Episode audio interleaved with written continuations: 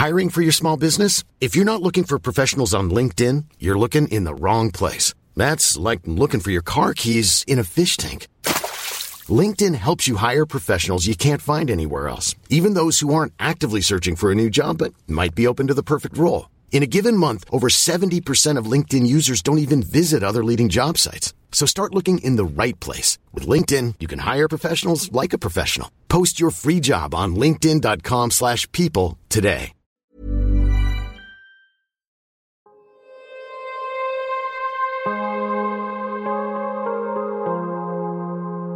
Vores mentale sundhed er nedadgående, og det er til trods for, at vi aldrig har været rigere, aldrig har haft flere muligheder og aldrig har levet længere.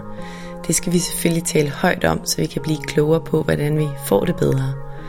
Podcasten her handler om, hvordan vi kan lykkes med at være gladest og friest muligt i det ene, ofte ret travle liv, vi har. Og den handler om, hvordan vi kan lykkes med at være både professionelt ambitiøse og passe på os selv på samme tid. Jeg taler med eksperter og privatpersoner om alt det, der fylder inde i os. Min erfaring er, at når vi taler højt om de ting, så opdager vi, at der er mange andre, der bøvler med de samme ting. Og jeg tror virkelig på, at vi kan lære af og inspirere hinanden ved at dele vores sårbarheder, erfaring og viden. Så velkommen til Vores Mentale Sundhed, en Mindcare Collective podcast. Jeg håber meget, at du vil lytte med, og at du følger med på min Mindcare Collective profil på Instagram, hvor jeg hver dag deler indhold til refleksion, motivation og inspiration. Jeg hedder Lea Helmand. Noget, jeg har været mere optaget af end nogensinde før det sidste års tid, det er søvn. Søvn er noget, jeg i mange år ikke har tænkt synderligt meget over, og selvom jeg det meste af mit liv har prøvet at prioritere min 8 timers søvn som grundregel, så ved jeg også, at jeg i mange år ofte er gået på kompromis med min søvn. Især under min studietid, hvor der både var mange lektier og mange sociale aftaler og byture, og så var der årene i konsulentbranchen, som i øvrigt var samtidig med, at jeg fik to små børn. Så ja, søvnen den har jo været udfordret, i hvert fald til en vis grad. Og det tror jeg egentlig, at mange kan genkende. I dag skal jeg tale med Michael Rasmussen. Han er ekspert i søvn, og jeg skal tale med ham, så vi alle kan blive klogere på, hvorfor det egentlig er, at søvn er så vigtig, som den er. Inden vi starter, så vil jeg som altid også lige nævne, at du helt gratis og nemt kan støtte podcasten og Mindcare Collective, og det gør du først og fremmest ved at dele, at du lytter med. Det betyder virkelig, virkelig meget. Du kan selvfølgelig også donere et valgfrit beløb til podcasten. Det gør du via MobilePay-nummeret 155503, som du også kan se i tekststykket under afsnittet. Og så er det altså virkelig dejligt, hvis du rater podcasten og anmelder den, og subscriber til den, hvis du kan lide, hvad du hører. Det er alt sammen med til at støtte, at der kan blive ved med at komme nye afsnit. Tusind tak. Velkommen til, Michael Rasmussen. Tak. Michael, jeg har glædet mig rigtig meget til at tale med dig i dag. Vi skal tale om noget, der uden undtagelse er vigtigt for os alle sammen. Og det er faktisk ikke gældende med så mange af mine afsnit, men det her, der er, der er altså ikke nogen undtagelse. Det er relevant for alle mennesker på jorden. Og det her, som vi skal tale om, det er noget, vi bruger cirka en tredjedel af vores liv på, plus minus, og det er altså søvn. Vi lever i et samfund, hvor vi tit kommer til at tilsidesætte vores søvn på grund af alt fra små børn til sene arbejdstimer, eller måske bare på grund af en, en spændende ny serie på Netflix. Og jeg tror, at det her med søvn, det er noget, mange måske tager lidt for givet, eller i hvert fald ikke ved helt nok om i forhold til, hvor fuldstændig afgørende og vigtig den her søvn faktisk er for vores fysiske og mentale sundhed og trivsel. Så jeg er selvfølgelig rigtig glad for, at du er her i dag, fordi du skal hjælpe os med at forstå præcis, hvorfor det er, at vi virkelig bør tage vores søvn alvorligt i et samfund, som man kan argumentere for nogle gange prøver at arbejde lidt imod vores søvn. Er du klar på det? Ja, fuldstændig klar, Lea. Dejligt, Michael.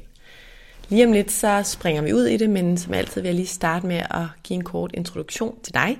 Du hedder altså som nævnt Michael Rasmussen, og du har specialiseret dig i stress, trivsel og psykisk arbejdsmiljø, og så selvfølgelig i søvn og i dens betydning for vores mentale sundhed og trivsel, eller for vores sundhed faktisk generelt og trivsel. Du er ekspert på det her emne. Du har skrevet bogen Sov godt, som jeg ikke har haft fornøjelsen af at læse endnu, men øh, den står altså på min liste. Og så har du helt grundlæggende en mission om at få danskerne til at sove bedre, er det ikke rigtigt? Det er fuldstændig korrekt. Ja. Det er fast arbejde. Jeg tænker, at vi bare øh, skal springe, springe ud i det, Michael. Og inden vi øhm, dykker ned i, hvad søvnen helt specifikt er, og hvorfor det er så vigtigt, så vil jeg gerne lige starte med at høre dig om, sådan overordnet, hvor gralt mener du egentlig, at det står til i Danmark og i verden, og i måske i, især i den vestlige verden, når vi taler om søvn? Hvad, hvad er status? Altså, vi har, Danmark har jo målt på søvn i sin 2010. Øh, den nationale sundhedsprofil, Sundhedsstyrelsen har målt og vejet på det her cirka hver tredje år. Øh, og vi har kunne se fra 2010 frem til i dag, at øh, den stiger for hver evig eneste gang, man måler. Hvad stiger? Øh, søvnbesvær. Altså når man laver spørgeskemaundersøgelser og spørger, øh, om man føler sig frisk og veludvilet, øh, om man har fået nok søvn, om tilfreds, velbefindende, trivsel osv., så kan man se, at for hver år, øh, der stiger gradienten i forhold til folk, der siger, at de har problemer med søvnen. Det, der også er interessant, det er, at nu har Danmark først mål fra det siden 2010, men Sverige har faktisk mål i det i en hel del længere år. Øh, og de kan se, at fra omkring år 2000, øh, der sker der noget virkelig voldsomt i udviklingen af søvnbesvær. Øh, og omkring 2000, det er jo lige præcis der, hvor internettet blev introduceret stille og roligt, smartphone kom et par år efter, og man kan se, at alle de her stimuli, som bliver stillet til råd for vores opmærksomhed, øh, er faktisk en af de væsentligste årsagssammenhæng til, at vi kan se, at det senmoderne individ får for lidt og for dårlig søvn. Og det er en udvikling, der bare fortsætter stort set hver evig eneste år. Og det, jeg synes, vi skal måske lige præcis nu og her, ifølge statistikkerne, skal være meget øh, opmærksom på, det er de unge mennesker. Altså, når vi snakker om unge mennesker mellem 16 og 24 år, og specielt de unge kvinder, så er vi jo tæt på, at en fjerdedel af de unge danske kvinder siger, at de ofte ikke er tilfredse med deres søvn. Altså nærmest nærmer sig den tilstand, som vi kan kalde kronisk søvnløshed. Og det er et stort problem for vores samfund, for vores institutioner, for familier, ja, for individet også selvfølgelig. Og det er jo en af grundene til, at vi ser en voldsom stigning i et mistrivsel i øjeblikket, også blandt de unge mennesker. Og det har altså i rigtig mange tilfælde noget at gøre med den dårlige søvn. Så kan vi altid diskutere, hvad kom først. Øh, store krav til sig selv, øh, forventning og præstationskrav, øh, alle de her ting. Øh, men, men er øh, nervesystemet lidt presset, så går det typisk også ud over søvnen. Og det er her, vi ser en sammenhæng med mistrivsel. Og vi skal tale om, hvad det betyder for os, og måske også for samfundet. Men det jeg altså hørt dig sige, det er, at vi ser jo, som jeg tror lytter, lytterne ved, at vores mentale sundhed, den er nedadgående. Og du ja. mener, at en af de primære, eller i hvert fald en essentiel årsagsforklaring, er, at vi sover mindre og mindre. Ja, det gør vi. Det ved vi. Øh, altså bare hvis vi kigger inden for de sidste 100 år, øh, så kan vi se, at søvnlængden er nedsat et sted mellem 1 og 2 timer, og det er sådan nøjagtigt det samme nervesystem, vi har. Samtidig med, som jeg sagde før, at vi har fået flere og flere af de her stimuli, ikke også? Øh, og store krav, forventninger til individet i dag, øh, alle de her ting, øh, som gør, at det påvirker søvn. Så kan vi altid igen diskutere, hvad kom først. Mm. Langt hen ad vejen har man jo inden for søvnvidenskaben sagt, at jamen, der er en god grund til, at du sover dårligt, hvis du er stresset, har en depression, smerter eller andre ting. Men, men vi ved, øh, høn og ikke, det kan også det kan altid diskutere, men, men det er ofte sådan, at er der nogle problematikker af fysisk-psykisk art, så går det typisk ud over søvnen. Og det er den, når først det går ud over søvnen, så er det, vi kan se, at der sker en akkumulering, som på sigt måske kan betyde et eller andet form for nedbrud. Ja, så ruller snebolden. Så ruller snebolden, ja. Så hvis vi lige skal opsummere det her med, hvad, hvad er det i samfundet, der er særlig problematisk, så er det internet og skærme, det er vores perfekthedskultur, ja. Og så er det samfundets far. Præstationssamfundet, som, som sætter større og større krav til individet, ikke også? Og vi hele tiden kan spejle os i det. Og som du også sagde før, øh, altså alle de her altså, kulturelle krav, altså at vi skal være på, vi skal se godt ud og så videre, ikke også? Øh, og det gør, at langt de fleste mennesker, faktisk 98 procent af os, vi sidder og glor på en skærm, inden vi går i seng. Og det er vores nervesystem ikke skabt til, altså til, at vi kan nedregulere vores nervesystem, hele arousal-systemet. Øh, og vi ved, at langt de fleste går i seng i dag, de har et for højt fysiologisk arousal-niveau. Øh, og det betyder simpelthen, at deres kvalitetssøvn bliver dårligere. Kan du ikke fornemme, der ikke kender til arousal, lige forklare det? Jo, men det er bare sådan et samlebegreb, ikke? Også man putter ned i, så kan vi snakke om stress, angst, frustration og irritationer, men det handler om, hvor meget gang er der i neuronerne. Og i hjernen, ikke? Også hvor meget dopamin, hvor meget noradrenalin, der er til stede. Øh, og er det for højt? Og det er det, hvis du sidder og kigger på skærm, for mange stimuli og så videre, ikke også? Altså, det er jo så slemt, så Netflix-direktør, han stod op for nogle år tilbage på en konference øh, og sagde, øh, at vores største konkurrent, det er søvnen. Den skal vi se at få bekæmpet. Øh, så, så det siger noget om, øh, at, at vi hele tiden kan udsætte os selv for det her. Nu er jeg jo selv en lidt ældre herre, øh, og jeg kan jo huske, at da jeg var ung, der var der jo ikke noget, der hed internet. Der var ikke noget, der hed sociale medier, og der var kun et program på Danmarks Radio, og kl. 22.30 så kom der prøvebillede på fjernsyn. Øh, og så rejste vi os alle sammen mere eller mindre gik i seng. Ikke også? Mm. Der var nogle strukturer omkring individerne bare tilbage i industrisamfundet. Alt det her er jo sprængt til atomer i det samfund, vi er i dag, hvor søvn også er blevet individualiseret, mm. som med alle mulige andre ting. Og der kan vi bare se, øh, at det er en udvikling, der er stenkraftigt i forbindelse med, at vi har fået alle de her stimuli. Øh, og præstationssamfundet og så videre, alle de her ting. Ikke? Hastigheden i vores samfund er jo kraftigt forøget. Ja, og jeg tror også, der er mange, der kender til det parasympatiske og det sympatiske system, og det sympatiske system, det er det, der øh, kobler sig til, eller det er der, hvor øh, vores stresshormoner, kortisol og adrenalin bliver aktiveret, og der var en grund til, at vi havde det her system i sin tid. Det er også stadig godt i, i en vis grad, men det der savanne-eksempel, ikke? når mm. der var en løve rundt om hjørnet, så var det super godt, at vi kunne kæmpe mm. eller flygte og være på. Ja. Og det er også rigtig godt i øh, præstationer i dag, hvor vi skal reagere eller præstere. Men der er så mange stimuli omkring os fra vores medier og skærme, at vores hjerne hele tiden faktisk bliver trigget til at skulle kæmpe eller flygte. Og det vil sige, at der er alt for mange stresshormoner i vores krop, hvis vi ikke giver os selv pause og søvn, som er en kæmpe pause. Ikke? Altså billedet på det sympatiske og det parasympatiske, det er jo, at øh, ja, der skal være 16 timers måske vågenhed plus minus lidt, men en parasympatisk aktivitet som søvn er jo voldsomt vigtigt for, at vores nervesystem kan være en form for homeostase, balance. Øh, og det får vi simpelthen for lidt af, hvis vi kigger generelt ud i vores samfund. Mm. Jeg synes altid, det er meget mm, interessant og også lidt, lidt skræmmende, når man tænker på sin egen hverdag og på sine venners hverdag. Det der med, hvor sjældent vi faktisk giver vores krop og vores hoved ro. Altså mm. en ting er søvnen, men også det der med pauserne, som jeg også har talt om før i den her podcast. Men vi har det med, at når vi, når vi lige holder en pause, så har vi telefonen i hånden eller mm. ser en skærm. Præcis. Altså det der med at holde helt pause, ja. det gør vi sjældent. Altså jeg typisk, når vi kigger på de unge mennesker, altså hvor mange opmærksomhedsressourcer de bruger på en dag, hvor, der ikke, altså, hvor de ikke giver sig selv lov til at reflektere lidt og åbne det øh, indre netværk, som er vigtigt, øh, altså hvor du kan reflektere og dagdrømme og se sådan livet lidt i perspektiv.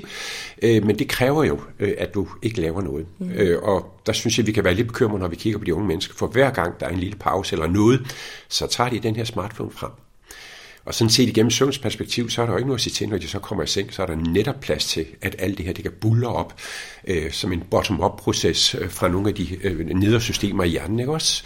Som gør, øh, at, at det her unge menneske oplever tankemøller, har svært ved at initiere søvnen og vedligeholde søvnen fordi der ikke kan være pauser i deres hverdag. Ja, og jeg synes også, for at folk ikke dunker sig for meget oven i hovedet, så er det jo også, at den her telefon og skærme og sociale medier er afhængighedsskabende. Mm. Altså det er vores hjerne, der har lyst til at få det her dopamin-kick.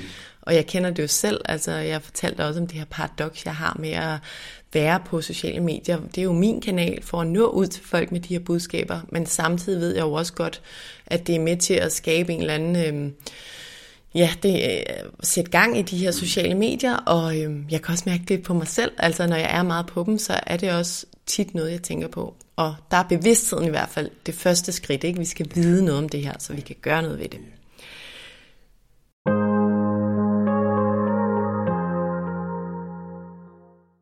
Søvnen den er jo en ret vild størrelse, på en måde en ret uhåndgribelig størrelse, som jeg ved, der er blevet forsket en hel masse i, og forskere har fundet ud af, en, af rigtig mange ting.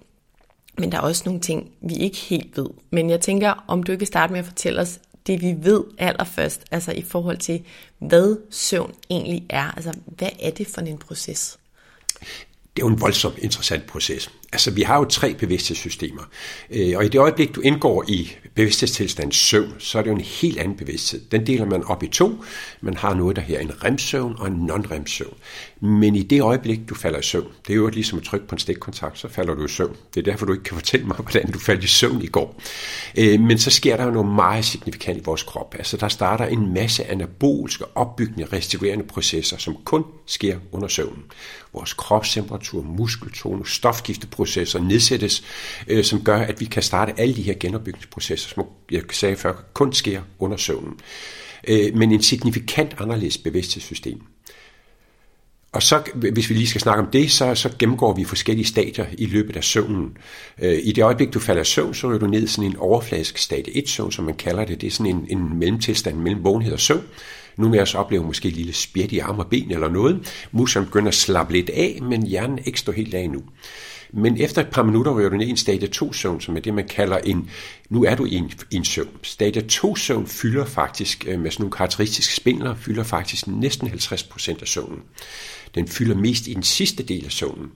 Øh, og det er typisk også det, vi vågner, fordi det er en overflask søvn, vi har den sidste del af natten. Men i den første del af natten, der har vi en meget af det, der her stadie 3 søvn. Det er den dybe, fysiske, restituerende søvn. Og er det den der N-rem-søvn? Ja, ja, det er en non-rem-søvn. Altså non-rem-søvn, den inddeles i stadie 1, 2 og 3. Øh, og den dybe, fysiske restituerende søvn vil hjernen altid sørge for at få først.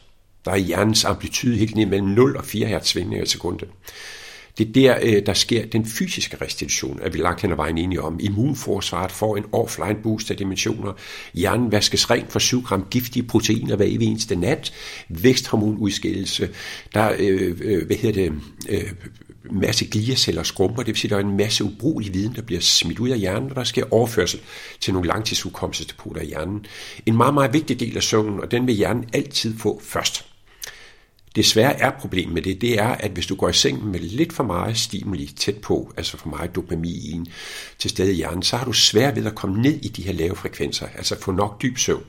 Og det er derfor, at stress og søvnproblematikker hænger sammen som ærtehallen, fordi går du i seng med for mange stimuli, lidt for mange bekymringer, frustrationer, øh, så nedsættes den dybe søvn drastisk. Okay. Så man kan faktisk sagtens sove øh, 7-8 timer, når vi kigger på en rene længde, men ikke vågne og være frisk og veludvilet, som typisk har noget at gøre med, at du ikke har fået nok dyb søvn. Ja, og det er jo rigtig interessant, fordi jeg tror, at der er mange, der måske faktisk sover de der i hvert fald 7 timer, mm. men stadig føler sig mega trætte. Yeah. Og det er så, fordi de simpelthen har for mange stressorer i deres hverdag. Altså det er en af årsagerne. Altså, det er lige så vigtigt, når vi snakker om søvn, så snakker vi om søvnlængden, øh, og den kan vi snakke nok så længe om, hvad anbefalinger og længde er, men kvalitetssøvn, den er lige så vigtig. Øh, og det må vi bare konstatere, at der er flere og flere af os, der får mindre og mindre af, ja. øh, med de øh, krav, der er til individet i dag. Vi kommer tilbage til det med længden. Ja. Kan du ikke lige forklare lidt mere om det der med de øh, cykluser, der er i løbet af natten? Fordi vi ryger faktisk, at det være halvanden time sådan lidt ja. ind og ud.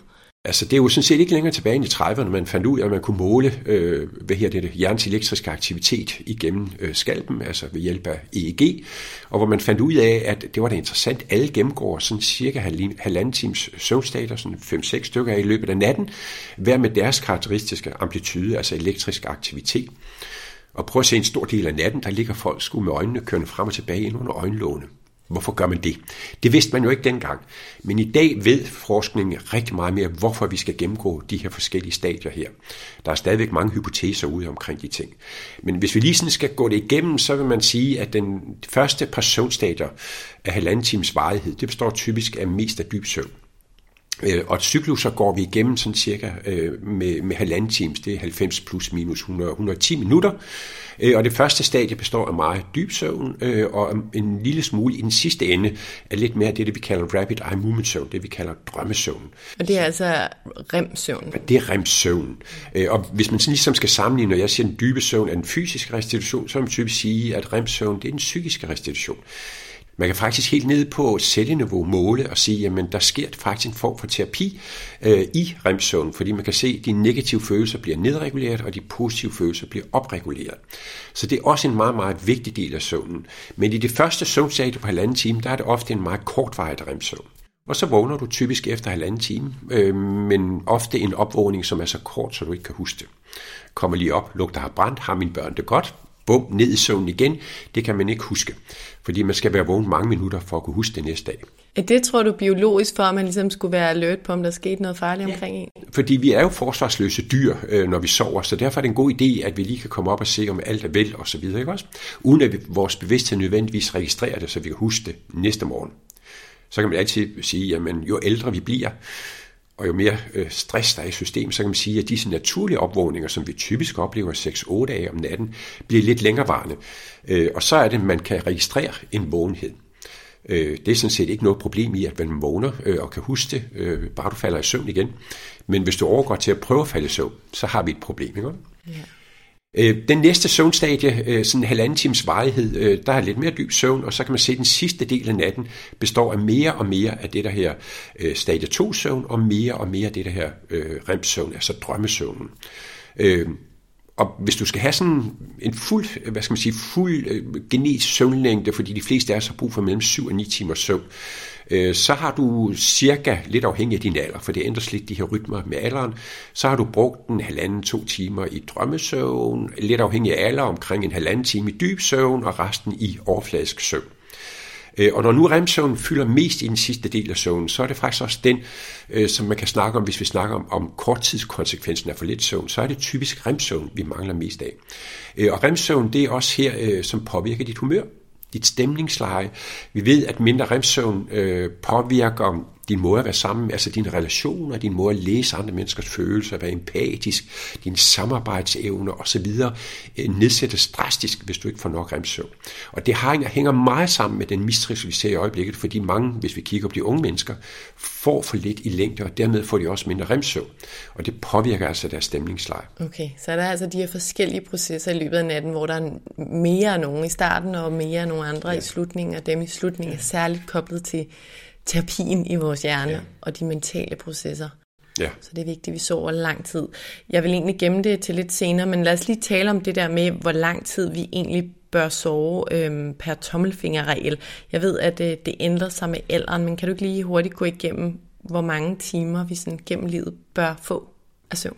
Ja, så er det lige spørgsmål, om jeg kan huske det, hvis du vil allerede, hvis vi snakker fra, fra fødsel til, til voksenalderen. Men den vækster meget. Altså vi skal starte med som udgangspunkt, øh, altså når vi snakker over folk over 18, 19, 20 år, så er anbefalingen i stedet mellem 7 og 9 timer. Okay. Øh, og i det perspektiv siger man, at man kan sove for meget, og man kan sove for lidt. Og det definerer man, at hvis man konsekvent sover under 6 timer, så sover man for lidt. Hvis man konsekvent sover over 10 timer, så sover man for meget. Og hvis man måler på rigtig mange, altså store populationsundersøgelser, så kan man se, at det er lige så skidt at sove for lidt, som at sove for meget. Så man kan faktisk sove for meget? Ja, det kan man sagtens. Så kan man altid snakke om, hvad, hvad skyldes det? Altså typisk, når man måler på mange mennesker, hvis man sover for meget, altså for eksempel over 10 timer, så er det jo også ofte forbundet med andre lidelser, som gør, at de sover mere. Ikke også? Men, men, men sover man mere, end hvad skal man sige, ens behov er, så bliver søvnen også lidt mere overfladisk, øh, og det kan typisk gøre en lidt mere sløv. Så, men, men sådan vi igen, altså alt inden for søvn foregår i kurver, og hvis man måler på mange mennesker, så vil man sige, at det optimale søvnmængde for et voksen menneske, øh, det er 7,5 timer. Hvorfor det? Det er det, fordi det er fem søvnstadier af halvanden time. Så, så man kan sige, at alle, der sover under, alle, der sover over, har statistisk et dårligere helbred. Men hvis man skal have 7,5 timer, så skal man jo nok højst sandsynligt ligge i sengen 8-8,5 timer for at få øh, den længde. Og når det er sagt, så ved vi, øh, hvis vi kigger på øh, sådan udviklingen i løbet af alderen, at øh, man kan typisk se omkring pensionsalderen, 65 år eller noget cirka, at der er der mange, der typisk kan gå lidt ned i længde, måske op til en time, og måske kan klare sig med 6 timer. Ja, for det kan jeg huske, jeg har læst. Og det er så, ja. fordi vi ikke udvikler os på samme måde der, eller hvad? Ja, altså, det er, altså søvnen ændrer sig, altså selve søvnrytmerne, det vi kalder de ultradiane rytmer, ændrer sig med alderen. Du får mindre og mindre dyb søvn, jo ældre du bliver. Du får mindre og mindre remsøvn, jo ældre du bliver, øh, og man kan sige, at de opvågningsperioderne bliver længere. Altså det, vi kalder søvneffektiviteten. Hvor mange timer sover du i sengen, den nedsættes også. Altså hvis du ligger 8 timer i sengen, men kun sover 4, så har du en søvneffektivitet på 50%. Og der kan man se, at jo ældre man bliver, øh, der, er det, der er det altså et vilkår, fordi det er et vilkår ved at blive ældre, det er, at ens evne til at sove, den bliver dårligere og dårligere. Øh, og der kan man sige, at hvis du når omkring de 45-50 års alderen, har en søvneffektivitet på 85%, så er det rigtig godt. Det vil sige, at du vågner flere gange om natten, måske skal op og tisse et par gange, går i seng igen og falder i søvn efter 10 minutter i kvarter. Det er fuldstændig uproblematisk. Men det er først der, hvor man så måske begynder at blive lidt frustreret, og begynder at lægge mærke til, at man er vågen, og man prøver på at falde i søvn. Så har vi et problem. Så hvor der kommer nogle psykologiske mekanismer ind over. Søvn kan du ikke styre med din vilje. Den skal udfolde sig naturligt. Og det er jo det, der er så udfordrende og uhåndgribeligt ved det, ikke? at vi kan, øh, vi kan ville det, men ikke kunne det.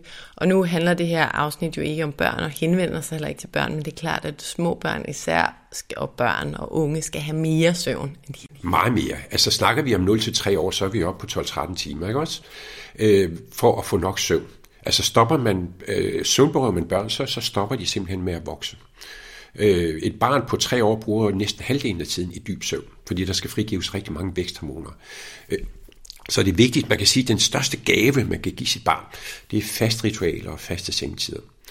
Øh, man kan ikke give sit barn en større gave, for det tager man typisk med op i sin voksendom. Og kære forældre, det skal I varetage det ansvar, indtil barnet bliver 18 år.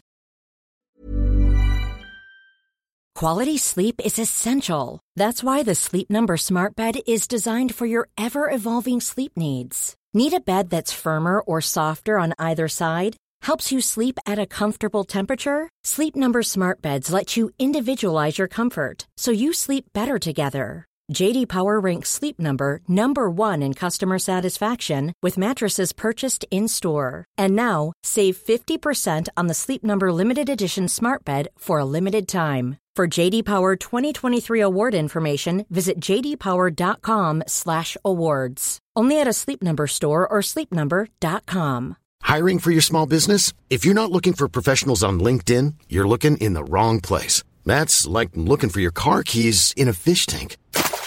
LinkedIn helps you hire professionals you can't find anywhere else, even those who aren't actively searching for a new job but might be open to the perfect role. In a given month, over 70% of LinkedIn users don't even visit other leading job sites. So start looking in the right place. With LinkedIn, you can hire professionals like a professional. Post your free job on linkedin.com slash people today.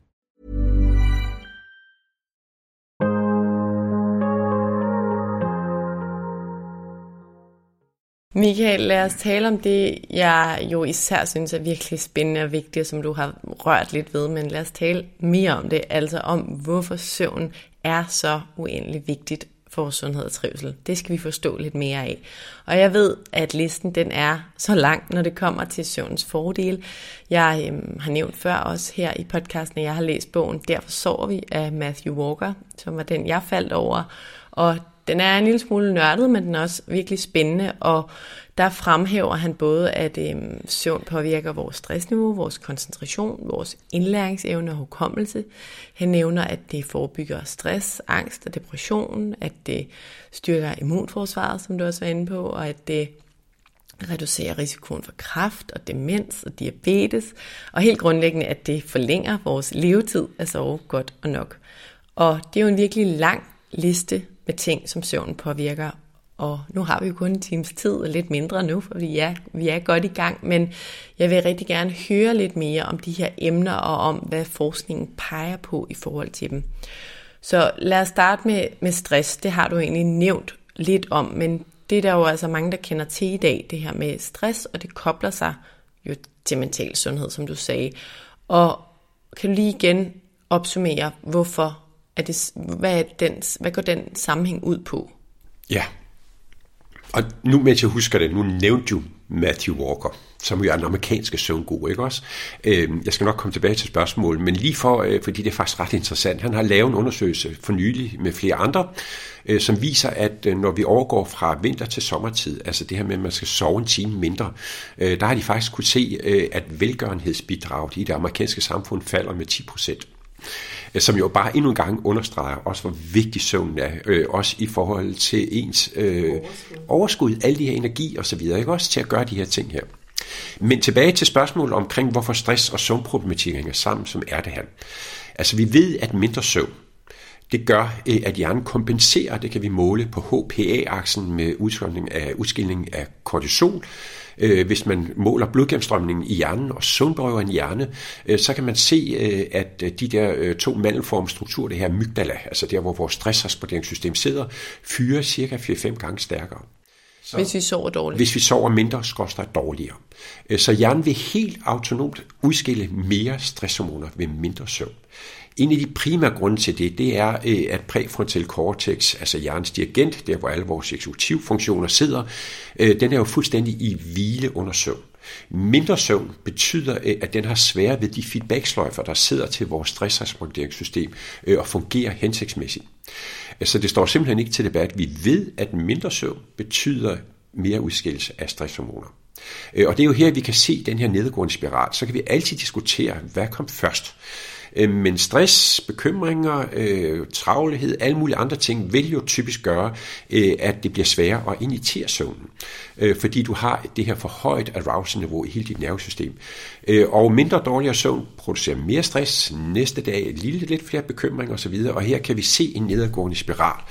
Øh, og forskning op fra Karolinske Institut op i Sverige viser, at øh, jamen, hvis det her bider sig fast i dit nervesystem, altså stress og søvnbesvær osv., så går der cirka et år, så kommer der et eller andet belastningssyndrom. Det kan være depression eller andre ting. Men det er i 9 ud af 10 tilfælde den dårlige søvn, der sætter gang i det her. Ja, og stress har jo rigtig mange dårlige påvirkninger, ja. som også er, at vi bliver i dårlig humør, vi bliver kortlundet, vi har netop ikke noget overskud, vi spiser dårligere, og alle de her ting. Og det er søvnen, der gør alle de her ting her, ikke også? Øh, fordi det kan næsten ikke undgås, øh, at det påvirker søvn, hvis du er stresset. Min næste spørgsmål var, det har du måske så lidt svaret på, for det var, hvad med angst og depression? Men det er så fordi, hvis man bliver i det her for længe. Ja, Altså det er jo øh, helt, altså man kan sige, de positive og negative følelser osv. Så alt det her er jo noget, øh, som ikke bliver reguleret hensigtsmæssigt. Hvis du som rent akkumulationsmæssigt i længere tid har dårlig søvn, ikke? Så, så vil det jo påvirke, at på sigt kommer der en nedbrud i systemet. Altså det sympatiske lukker, det parasympatiske, du får en depression øh, som en måde til, at, at hjernen siger, at nu bliver jeg simpelthen nødt til at lukke ned. Og det er i princippet det samme, hvis vi ser i sit korte perspektiv med søvnen. Øh, det er jo, at, at det, der styrer, altså søvnreguleringer, det er jo nogle fysiologiske processer i hjernen. Det er døgnrytmen, det er søvnpresset. Øh, at jo flere timer du har været vågen, jo større er søvnpresset, jo mere intensiv bliver din søvn. Og det sker i samspil med døgnrytmen, som jo sådan set er ligeglad med, hvor meget du har sovet. Men man kan sige, at når de to størrelser står knivskarpt, altså du har været vågen 16 timer og sov og så videre, så, videre, så udfolder søvn sig naturligt. Men et meget godt billede på, hvis vi oplever søvnbesvær, det er jo, at vi typisk oplever, måske på grund af stress, nogle dage, hvor vi kan have svært ved at falde i søvn, eller ind i vedligeholde søvn og så videre. Men på et tidspunkt, øh, så siger hjernen, ved du hvad, du kan ikke finde ud af det, nu står der så stort søvnpres, øh, så sover man godt. Søvn er jo en fysiologisk nødvendighed, øh, men, men bider det her så fast i dit nervesystem, så er det, at man ser et mønster, der hedder dårlig søvn, dårlig søvn, god, halvgod, dårlig, dårlig, men der kommer altid en god søvn.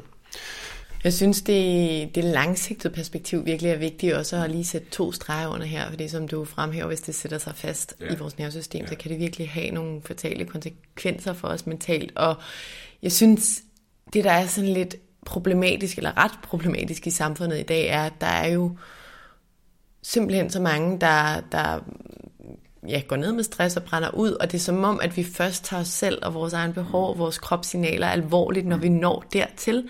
Og det er jo helt sindssygt, altså at vi ikke er bedre informeret eller bedre i stand til at, at tage os selv alvorligt. Ja, altså man kan sige, en af de problematikker, der er i det her, det er jo også, Øh, at vi ved fra masseundersøgelser, øh, at øhm, sendinsekten ryger faktisk ret hurtigt. Altså vi ved, hvis man øh, putter folk ind i et tunglaboratorium og beder dem om, måske deler dem op i grupper, og siger, at nogen må sove tre, nogen må sove fem, nogen må sove syv, nogen må sove ni timer, så laver de selvfølgelig flere og flere fejl, jo færre timer de får. I virkeligheden er det ret interessant, at de her undersøgelser viser, at dem, der får lov at sove 9 timer, i et søvnlaboratorium, de forbedrer faktisk deres præstationsniveau i forløbet, fordi der er ikke mange, der giver sig selv lov til at sove 9 timer, som man måske har brug for. Men, men det, der er interessant med de undersøgelser, det, her, det er, når man spørger øh, de her personer efter øh, en uge, om de føler, at de har lavet flere fejl, end det siger faktisk de fleste, det har det ikke. Øh, og det viser bare, øh, at man vender sig til at sove dårligt. Man vender sig til, at ens emotionel regulering, ens humør og stemningsleje nedsættes med 5, 10, 15, 20 procent. Man vender sig til, at ens kognitive potentiale, koncentration, ydeevne, opmærksomhed, læringsevne nedsættes med 5, 10, 15, 20 procent. Øh, sådan er det at være mig. Så det her det er jo noget, der kommer stille og roligt.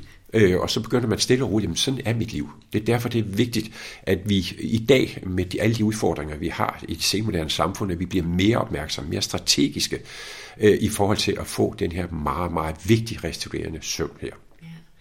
Det der øh, studie, du refererer til, og den viden i hvert fald, det læste jeg i, i bogen faktisk for ikke så lang tid siden, og satte en masse streger under, ja. fordi jeg synes, det var ret vildt. Det var, jeg tror, det er Matthew Walker der, der øhm, ja, enten selv har lavet eller refereret til et studie, hvor det netop er, jeg tror, det er 8, 6 og 4 timer, eller noget den stil, at de sover, den her gruppe, og det er altså fuldstændig vanvittigt, de der resultater, bare også når det går fra 8 til 7 til 6, ja. altså den, ja. det skift i, hvad vi kan præstere i løbet af dagen, og hvad vi laver eller ikke laver fejl. Og netop, som du rigtigt siger, at folk bemærker det ikke selv, det synes jeg er, er ret vildt. Det er ret vildt. Altså, der er en anden amerikaner, øh, Service, som har lavet en... Altså, men det er altid svært at sige, hvad betyder det egentlig en mindre timesøvn end dit genetiske behov øh, for dit præstationsniveau, for din læringsevne og overvågning, alle de her ting. Ikke også? Øh, der er der nogen, som har sat sig ned, nogle om forskere, som siger, jamen, hvordan skal vi ligesom prøve at sætte det i et perspektiv? Øh, og de har fundet ud af, at vi lige skal sammenligne det med, at hvis vi kigger på et ung menneske, som går i en uddannelsesinstitution, det kan være 9. eller øh, 1. G eller noget, øh, at en times mindre søvn i tre dage, jeg siger lige igen, en times mindre søvn i tre dage, kan sammenlignes med rent øh, kognitivt, altså læringspotentialmæssigt med at gå to klassetrin ned. Og det er jo voldsomt meget, men, men bare igen for at sige, at det, det vender man sig. Der er jo rigtig mange børn, der sidder i uddannelsesinstitutioner og har svært ved at bevare opmærksomheden. Øh, læringsevnen, altså både den måde, du kan konsolidere og, og altså øh, hjernens processering osv., nedsættes jo drastisk øh, med mindre søvn. Ja, jeg synes også, jeg læste, at man så ikke bare kan sove godt i tre dage igen, og så bliver det til samme niveau, at det faktisk tager længere tid. Det tager længere tid. Altså det er en til en det her. Altså man kan i princippet ikke indhente tabt søvn det er måske lidt deprimerende, men, men det er desværre virkeligheden, og det er derfor, det voldsomt vigtigt, at vi bliver opmærksom på den her søvn her, altså, ja. og prioriterer den. Som jeg håber, at vi er med i gang med at gøre her, ja. at gøre folk klogere på, på emnet. Noget, jeg også lige kommer til at tænke på fra bogen, jeg kan huske, det er, at, øhm, at Matthew Walker, der nu nævner jeg mange gange, men han skriver, at øh, han tror simpelthen ikke på dem, der fortæller ham, at de godt kan klare sig på 5 eller 6 timers søvn. Og ifølge forskningen, så hvis man skal runde op til et helt tal, at de folk, der faktisk ikke har nogen effekt i dagligdagen af at kunne klare sig på, eller bare kunne sove 5 timer om natten, den er 0. Hvis man runder op til helt tal, 0. Det er 0. Altså hvis man laver igen, når man har lavet undersøgelser omkring det her, ikke også, så ved vi, at folk, der sover under 5 timer, de er voldsomt for risici for alle de her sygdomme, du nævnte før. Det stiger drastisk, 30, 40, 50 procent øh, når du har tillagt dig en livsstil, hvor du sover for lidt. Det er bare interessant, at der er mange, der stadig siger, du ved, det, det kan jeg godt, det, sådan, sådan er jeg bare, det kan jeg godt klare. Ja, altså, men samtidig så, øh, altså nu har jeg jo beskæftiget mig med søvn i rigtig, rigtig mange år, og øh, været ude i mange institutioner og organisationer og snakke om søvn, og jeg kan huske, altså da jeg startede tilbage i 2008 og 2009 og kom ud og snakke om søvn og så videre, øh, der var det faktisk helt normalt, at man gik rundt på direktionsgange og sagde, at man kunne klare sig med fire timers søvn, fordi så kunne jeg arbejde mere, jeg kunne være mere sammen med familien. Det er der altså ingen, der gør mere. Fordi man ved godt, hvor vigtig søvnen er. Det altså så, ja, det er der, men, men samtidig så er der også et paradoks i det her, fordi man kan se, jo mere opmærksomhed, viden der er om vigtigheden af søvn, så er det også nogen, der bliver mere og mere bekymret, når de kan se, at de ikke kan få den her søvn. Ikke også? Fordi man, man netop bruger en masse energi, en masse monitorering og opmærksomhed på, øh, at den her søvn det er et problem for mig. Og et vigtigt pointe i det her, det er, at jeg kan ikke styre søvn med min vilje. Jo mere opmærksomhed, fokus jeg sætter på det, jo mere bekymret vil jeg måske blive. Så der er et paradoks i det også. Og vi kommer tilbage mm. til sidst til, hvad vi skal gøre, mm. hvad vi kan tage med i forhold til handlingsanvisende råd for dig. Lad os lige tale lidt om indlæring og hukommelse. Hvordan og hvor meget påvirker søvn de her to ting? Vi har talt lidt om det, men i det her med, med gymnasieeleverne og, og indlæringen, at man altså går to skoletrin tilbage, hvis man sover en time mindre i tre dage, det siger jo rigtig meget. Det er også hukommelsen, det påvirker. Ja, den primære grund til, at vi skal sove, det er for, at hjernen fungerer. Øh, altså igen, når du øh, falder i søvn, øh, så sker der jo, nummer et, hjernen bliver renset, der bliver smidt en masse ubrugelig viden ud. Man kan sige, øh, arbejdshukommelsen bliver lige renset for noget, der ikke er vigtigt. Men man kan sige, det nervesystem opfatter som en vigtig viden. Typisk det, der har en følelsesmæssig markør, der kan vi se både i den dybe søvn og øh, stadie 2 søvn, der sker altså en overførsel øh, til nogle langtidshukommelsespoter i hjernen. Så er der, en, der er forskellige hypoteser ude, men, men man mener også, at remsøvn er med til at konsolidere nogle netværk, luge ud i nogle andre ting. Så man siger, alle de her ting, altså overførsel til langtidshukommelse til poterne, skabe nye netværk i hjernen osv., hukommelseskonsolidering er jo en vigtig del af søvnen. Øh, og sover du mindre, jamen, så fungerer din hukommelse jo også dårligere. Og det du fortæller nu, er det så også det, der relaterer til, hvorfor at mindre søvn også kan øge risikoen for demens? Ja, altså det er i hvert fald en af årsager. Der er mange årsager til alt det, vi kalder de neodegenerative sygdomme. Men det er jo ikke mere end otte år siden, at blandt andet en dansk forsker, der her Mike Nergård, fandt ud af, øh, at øh, under en dybe søvn, øh, Øh, der kan man se den her væske, som sidder lige under øh, kranieospinalvæsken, drøner ned gennem nogle vandkanaler og faktisk vasker 7 gram giftige protein ud hver evig eneste nat, altså det man kalder plak eller amyliden. Øh, og de her forskere mener at det er en af årsagerne til en stigning i de neodegenerative sygdomme, som Parkinson, Alzheimer's, demens osv. Øh, Fordi der ligesom bliver fyldt op? Ja, altså det bliver ikke den her rensesproces øh, sker ikke ordentligt. Og det er også derfor, i det perspektiv, det er vigtigt, jo ældre man bliver, at bevare en god søvnkvalitet. Øh, så det her renseprogram, opvaskeprogram, kald det hvad du vil, fungerer bedre. Men, men hukommelsen af konsolidering er en vigtig del af søvnen. Altså både at hjernen bliver vasket ren, der bliver smidt en masse ting ud af hjernen, der skal overføres af de vigtige, sådan at jeg kan genkalde det igen i morgen, i overmorgen eller om tre måneder. Jeg hørte også noget med, at, at hvis man øver sig på noget om aftenen, og ikke rigtig kan finde ud af det, eller der er hele tiden en fejl, der sker et eller andet sted, så når man gør det næste morgen efter en god nats søvn, så er der stor chance for, at man faktisk kan det fejlfrit, fordi at hjernen ligesom lærer videre i løbet af natten. Ja, altså man siger, jo tættere øh, du sover på et eller andet, du skal tilegne dig viden eller noget, jo bedre konsolideres det i hjernen. Ja, jeg kan godt selv huske det fra eksamener, hvor nu ved jeg ikke helt, om man søvner på, på sit højeste der, men når vi havde de her 24 timers eksamen, og man skriver det her oplæg og aften inden, man øver det og øver det, og jeg er typen, der lærte det udenad, og jeg kunne det også nogenlunde udenad om aftenen, men om morgenen, der sad det bare bedre, mm. fordi jeg har så prioriteret min søvn, i hvert fald til en vis grad. Og det er jo det, der er vigtigt, specielt hvis man skal læse til eksamen. Det er at prioritere søvn. Altså det er jo fuldstændig vanvittigt, øh, hvis man skal altså præstere øh, og så bruge øh, natten, til, natten til hjælp, fordi jeg skal prøve febrilsk at forstå de her ting her. Det bedste, du kan gøre, det er at sove på det. Fordi det her, hjernen bearbejder. Det her, den laver nye netværk. Det her, den skaber nye forbindelser, øh, og kan måske øh, problemløse, være mere kreativ øh, i den proces i forhold til at tilegne sig viden osv. Jeg tror også, mange kender det med, når de sidder og arbejder på nogle slides, eller hvad det er, de mm. sidder med klokken 22, at når de de gange, de så har prøvet at skubbe det til morgenen efter, så er de faktisk meget hurtigere til at løse mm. opgaven, fordi man ikke er oplagt der ja. om aftenen. Det er også en grund til, at vi læser typisk, det kan så være anekdotisk, men, men man typisk læser om, om videnskabsfolk og kunstnere og noget, øh, at øh, efter en remsøvn, når de vågner, jamen så kan de lige præcis forholde sig til den her problem. Øh, de her ting, der har gået og nørklet med lang tid, fordi det her hjernen arbejder, og i det øjeblik, du er i søvnen, specielt i remsøvn, jamen så kan hjernen cirkulere rundt i forskellige, øh, altså ophæve den normale logik. Altså i det øjeblik, du er i remsøvn, så øh, man kan sige, den logiske del af hjernen er jo lukket ned. Så hjernen kan associere på kryds og tværs. Øh, og det er det, der man kan sige, at du kan, hjernen kan være, være en kreativ proces, som kan skabe nye forståelser og nye forbindelser. Så det er en rigtig god idé at sove på det. det er stadig en rigtig god idé at sove. Så er der det med immunforsvaret. Du øh, nævnte det lidt før, og vores immunforsvar får simpelthen et boost om natten. Kan du forklare lidt om, hvorfor det er? Ja, det er nogle komplicerede processer, de her ting, ikke også? Men man kan sige, øh, at, at vores glukose, øh, altså alt det med, at vi øh, frigør os igennem vores kalorier og får glukose ud i blodet, øh, og den måde, at, at, at vores system pakker blodet, det er jo døgnrytmeafhængigt. Øh, og det skal helst, hvad kan man sige, hele øh, glukose, den glukosetolerancen skal være lavest midt på natten. Og man kan se, hvis du får mindre søvn, øh, så øh, er din glukosetolerance lavere, det vil sige, at du også i det her, det er sådan en mellemstadie mellem almindelig og så det, vi kalder diabetes. Det er derfor altså, at, at mindre søvn er klart forbundet med diabetes 2. Det vil sige, at du bliver mere insulinresistent. Og der er rigtig mange faktorer i det. Det er også noget at gøre med, hvis du har for for lidt søvn, så har du lidt for meget kortisol til stede i blodet sidst på aften. Det er også med til øh, at kan pakke blodet dårligere, øh, altså glukosen i vores celler.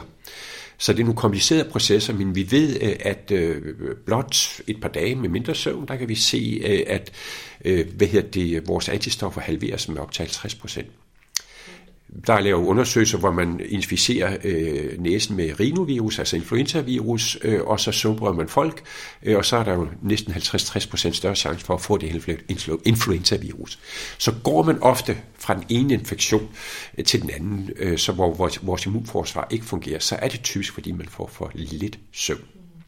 Problemet med det, det er også, hvis du igennem længere tid sover for lidt og for dårligt, øh, så øh, går du faktisk i det, man kalder en proinflammatorisk markør. Man kan se, at cytokiner er for højt, så du går i en lettere betændelsestilstand. Hvis du igennem længere tid har sovet dårligt, så snakker vi altså mange, dår, mange måneder.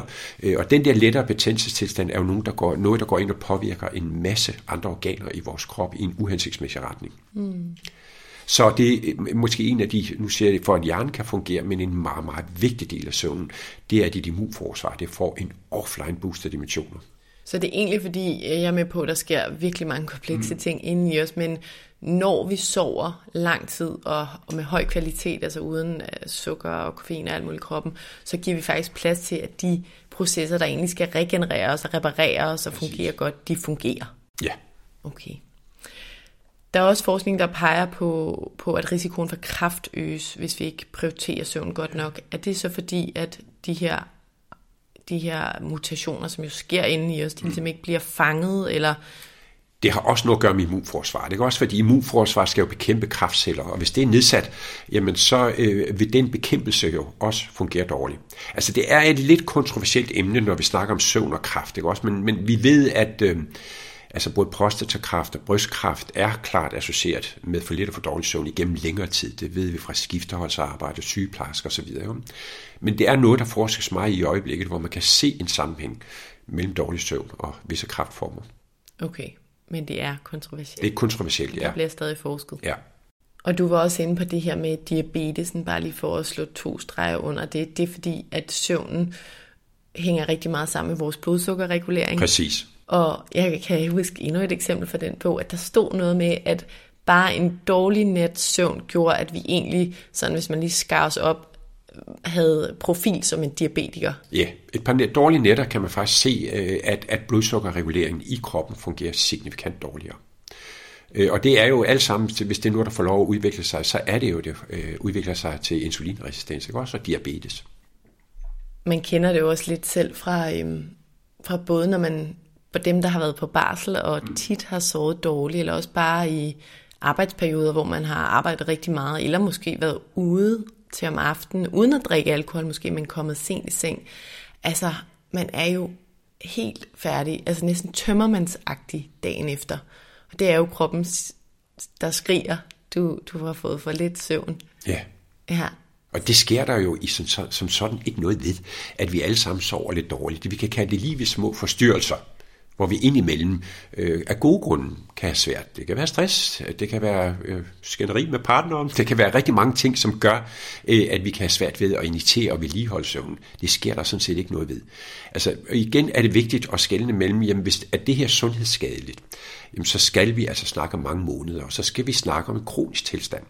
Øh, og det vil sige, i det perspektiv, at så skal du i hvert fald have haft dårlig søvn i mere end tre måneder. Altså har oplevet indsovning, gennemsovning, mere end tre dage om ugen på mere end en halv time, så vil du kunne komme i den kategori, der hedder, at så, så har du en kronisk tilstand. Men det her med, at vi en gang imellem sover dårligt, øh, og det kan være en uge, der kan være lidt stress på arbejde, der kan være nogle andre ting, øh, som gør, at, at jeg sover dårligt nogle dage, en uge, måske 14 dage, men nu har jeg fået overblik og kontrol i systemet igen, jeg sover fint. Det er sådan set uproblematisk som sådan. Det er ikke sundhedsskadeligt. Selvfølgelig har det nogle korttidskonsekvenser, øh, men det er ikke noget, øh, der, jeg kan sige, der er farligt.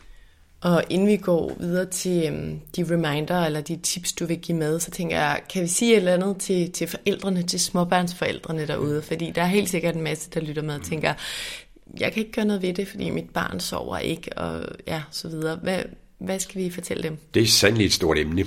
Der er rigtig mange ting med strategier til at få barn til at sove, men, men det allervigtigste i det her, det er, øh, og det ved vi fra masser af forskning, øh, at den største gave, du kan give dit barn, det er faste ritualer, faste sengetider. Øh, Øh, igen er det vigtigt at sige, at man skal passe på med at læse mange af de her, forstå mig ret, selvhjælpsbøger om et barn skal sove sådan sådan. Der er store, store individuelle forskelle i forhold til søvnlængder, alder osv. osv. Men øh, igen er det vigtigt, øh, at du holder fast i en struktur. Det er det allerbedste, altså en regelmæssigt dit barn, øh, og du bruger noget tid på at nedregulere øh, øh arouse-systemet, altså nærvær, nærvær, nærvær. Og det holder altså ikke en meter, øh, at vi udliciterer alt det her til sociale medier osv. osv. Ikke? Også fordi vi har så travlt osv. Det er vigtigt, at du er sammen med dit barn og får nedreguleret, få dæmpet, læse en historie, godnathistorie, øhm, snakker med sit barn, laver spil, synger, alle de her ting er rigtig vigtigt, du gør det en time til to, inden du går i seng. Altså hele de putteritualer er sindssygt vigtigt, og det er det for øvrigt også for os voksne. der er ingen forskel, men, men det er bare for at sige, at det er rigtig vigtigt. Vi ved, at hvis du får etableret det her, holder fast, kære forældre, så er det noget, øh, det er den største gave, du kan give, for de tager barnet med op også i sin voksendom. Ja, så ritualer og reducere arousal. Jeg tror stadig, der er nogen, der sidder derude og tænker, at det føler jeg at gøre. Yeah. Men der skal de måske blive ved, og så huske, at det er en periode, og bare du sover godt, når du kan yeah. på den anden side. Og så igen, at, at, at der er meget forskel på børn, ikke også? Altså, nogen øh, er jo født heldige, og kan sove når som helst, hvor som helst. Der er sikkert mange forældre derude, der kan sige, ej, jeg har fået et sovebarn, hvor dejligt, ikke også? Og så er der andre børn, der er mere påvirkelige på de her ting, og der skal vi være ekstra opmærksom øh, på at skabe gode strukturer øh, omkring barnet i forhold til at få nedreguleret de her ting her. Hold fast i strukturen. Vil du ikke også lige fortælle, Michael, lurer midt på dagen? Kan ja. vi bruge dem til noget godt? Er de gode? Altså hvis vi snakker om et voksen menneske? Ja. Ja, øh, ja både og. Øh, altså hvis vi kigger på et menneske, som en gang imellem oplever dårlig søvn, øh, og på den måde kompenserer ved, jamen hvis jeg sover dårligt om natten, så må jeg prøve at kompensere ved at sove om dagen. Det er ikke hensigtsmæssigt.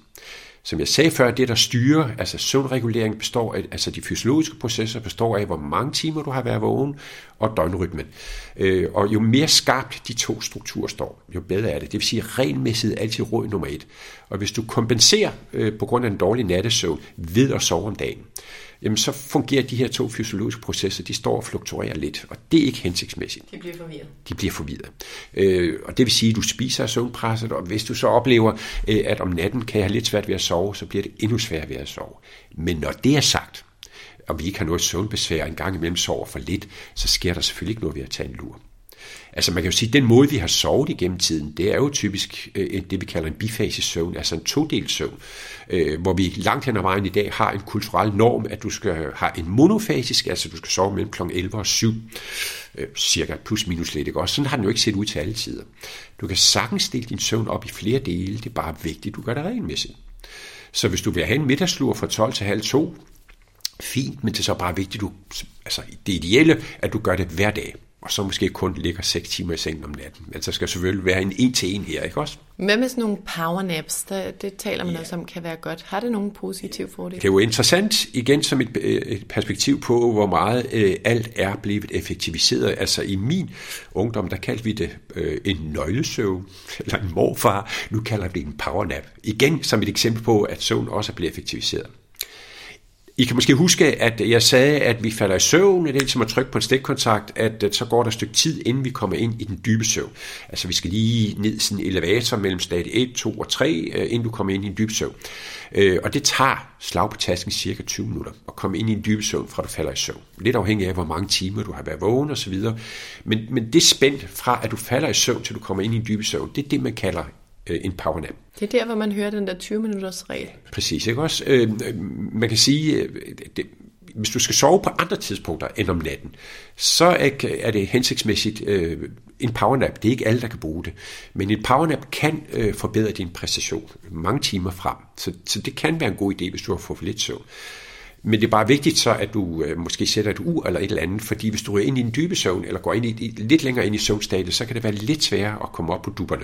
Så oplever du sådan det, vi kalder søvninerti, sådan lidt grokket næs, ikke også lang tid. Så, så det er vigtigt, at du sætter ur. Men, men der er lige så mange mennesker, som ikke er i stand til at gøre det. Jeg har hørt om det der trick, hvor man har sine nøgler i hånden. Jamen, det er det med nøglesøvn. Ikke? Også når man, inden man ryger i en dybe søvn, så slappes musklerne fuldstændig, og man vågner ved, øh, at, at nøglerne falder på gulvet. Ikke?